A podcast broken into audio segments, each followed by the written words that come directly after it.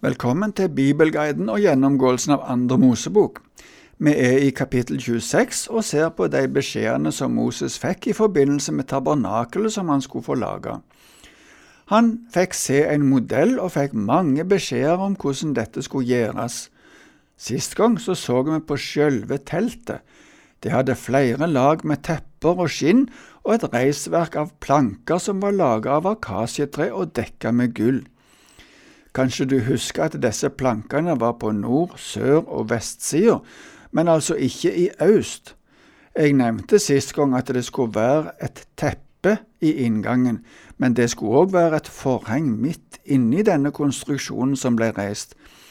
Og det fikk vi ikke tid til å se på sist gang, vi går nå rett på lesningen av det avsnittet som handler om det, ifra vers 31 i kapittel 26 altså, og ut kapittelet til vers 37.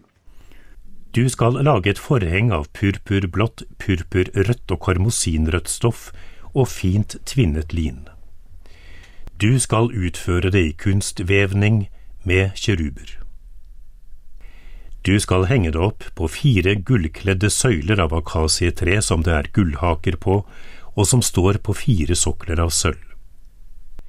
Rett under krokene skal du henge det, og innenfor forhenget skal du sette kisten med vitnesbyrdet. Forhenget skal sette et skille mellom det hellige og det aller helligste. Du skal legge soningsstedet som lokk på kisten med vitnesbyrdet i det aller helligste. Bordet skal du sette utenfor forhenget ved nordveggen. Lysestaken skal stå ved sørsiden av boligen, rett overfor bordet. Du skal lage et teppe for inngangen til teltet. Det skal være av purpurblått, purpurrødt og karmosinrødt stoff og fint tvinnet lin, alt i farget vev. Til teppet skal du lage fem søyler av akasietre og kle dem med gull. På søylene skal det være gullhaker, og du skal støpe fem sokler av bronse til dem. Det er de samme stoffene som nevnes her, som òg ble nevnt i forbindelse med det innerste laget av tepper. Dette forhenget var kanskje det flotteste og mest innvikla stoffet i hele tabernakelet. I kapittel 36 kan vi lese litt om gjennomføringen av dette, Forhenget ville skille mellom det hellige og det aller helligste. I det aller helligste skulle paktkista med lokket, som kalles soningsstedet, stå. I det ytre rommet, som kalles det hellige, skulle bordet med skuebrøda stå langs nordveggen, og lysestaken skulle stå langs sørveggen. Seinere kom det òg et røkofferalter som ikke er omtalt her. Forhenget som vi var inne på, var et flott teppe. Det ble hengt opp ved hjelp av fire stolper, eller søyler som det står. Disse søylene er òg av akasietre og kledd med gull. Utenfor det hellige skulle det òg henges opp et teppe. Det skulle òg være av lignende stoff, i alle fall etter beskrivelsene i dette avsnittet. Men for dette teppet skulle det være fem søyler, som på samme måten var av akasietre og kledd med gull. Men for søylene som står ytterst, der var soklene av bronse. Nå skal vi gå over til det neste kapittelet, men det handler fremdeles om utstyr til gudstjenesten. Først skal vi lese om brennofferalteret, som er de første åtte versene.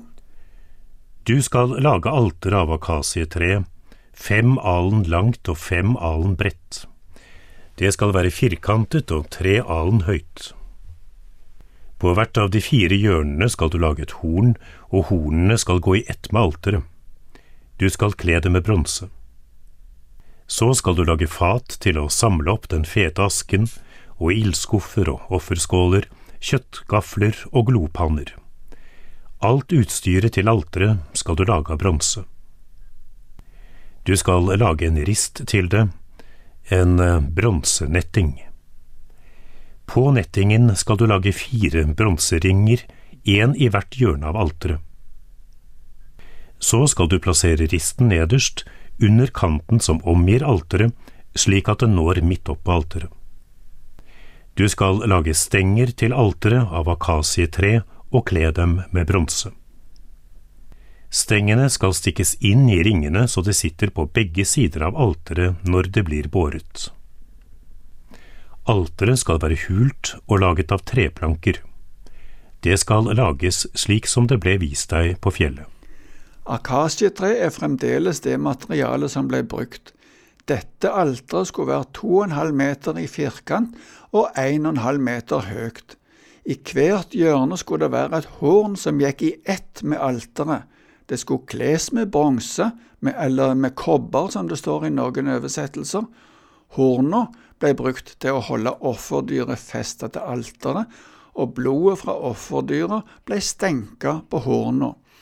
Det skulle òg lagres en del redskaper av samme materiale, annet et gitter eller rist som skulle ligge over alteret. Det gjorde at asken skulle falle ned. Alteret skulle være hult så asken kunne falle på marka, men det er mulig at det var delvis fylt med jord for å beskytte mot den intense varmen ifra offerbålet. Dette var òg noe Moses fikk se en modell av på fjellet. Vi leser videre ifra vers 9 til 19. Du skal lage en forgård til boligen. Mot sør, på sørsiden av forgården, skal det være omheng av fint tvinnet lin. Det skal være 100 alen langt på den ene siden, med 20 søyler og 20 sokler av bronse og haker og bånd av sølv. På samme måte skal det være et hundre alen langt omheng på nordsiden med 20 søyler og 20 sokler av bronse og haker og bånd av sølv. Langs den tverrsiden av forgården som vender mot vest skal det være et omheng på 50 alen med ti søyler og ti sokler. Østsiden, den tverrsiden som vender mot øst, skal også være 50 alen lang. Der skal det være et 15 alen langt omheng på den ene siden, med tre søyler og tre sokler, og på den andre siden et 15 alen langt omheng med tre søyler og tre sokler. I porten til forgården skal det være et forheng på 20 alen av purpurblått, purpurrødt og karmosinrødt stoff og fint tvinnet lin, alt i farget vev. Det skal ha fire søyler og fire sokler. Alle søylene rundt forgården skal være festet sammen med sølvbånd og sølvhaker og sokler av bronse. Forgården skal være 100 alen lang, 50 alen bred på begge sider og 5 alen høy. Omhenget skal være av fint tvinnet lin og soklene av bronse. Alt utstyret som skal brukes til tjenesten i boligen, og alle pluggene både til teltet og til forgården, skal være av bronse. Rundt teltet, som kalles boligen, og i andre oversettelser tabernakelet, skulle det være et omheng, et gjerde som er lagd av tøy. Dette omhenget skulle avgrense et område som var 50 meter langt og 25 meter bredt. Dette omhenget skulle skille tilbedelsesseremoniene ifra fellesområdet for folket. Folk og tilfeldige dyr skulle holdes borte ifra det området som var avsatt til ofringer og tilbedelse. Ingen skulle være innenfor dette området uten at de hadde noe å gjøre med det som skulle skje der. Omhenget ble holdt oppe med søyler som sto på sokler av bronse. Det var omtrent to og en halv meter mellom hver søyle eller stolpe. Høyden på omhenget og på stolpene var omtrent to og en halv meter. I den tverrsida som vendte mot øst, skulle det være en port som var av fint farga tøy. Portområdet var omtrent ti meter bredt. Det ble òg laga en del redskaper til bruk i forbindelse med gudstjenesten og ofringene. Det skulle ikke brukes redskaper som ble brukt ellers. Hellige tjenester krevde hellige redskaper, vil si redskaper som var avsett til dette bruket. I tillegg nevnes plugger. Pluggene skulle holde teltdukene og omhenget på plass. Alt utstyret skulle være av bronse. Grunnen til at det ble laget på denne måten, var at det skulle være flyttbart. Innenfor det området som var avgrenset av omhenget, sto teltet lengst mot vest og brennofferalteret lengst mot øst.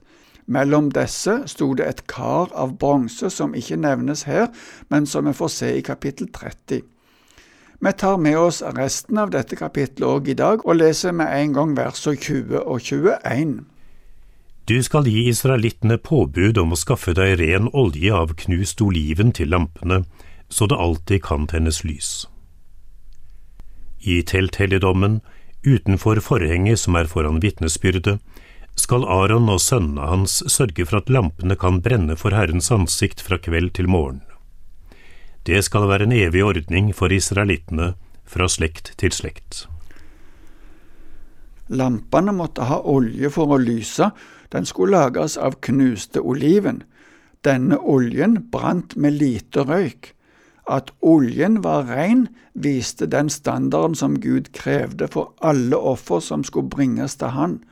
Lampene skulle aldri slokne. Aron og sønnene hans skulle sørge for at de alltid ble holdt brennende. Dette var en ordning som de skulle holde fast på for alltid. Det handla ikke bare om den tida som de var på Sinai eller i ørkenen. I tillegg til lampene så skulle det òg brennes røkelse hele tida. Det blir sagt i kapittel 30. Det er mange ting vi har vært innom her. En del av dette kommer vi tilbake til seinere, men nå tror jeg vi får slutte for i dag. Neste gang skal vi se litt på prestedrakten. Takk for nå, og Herren være med deg.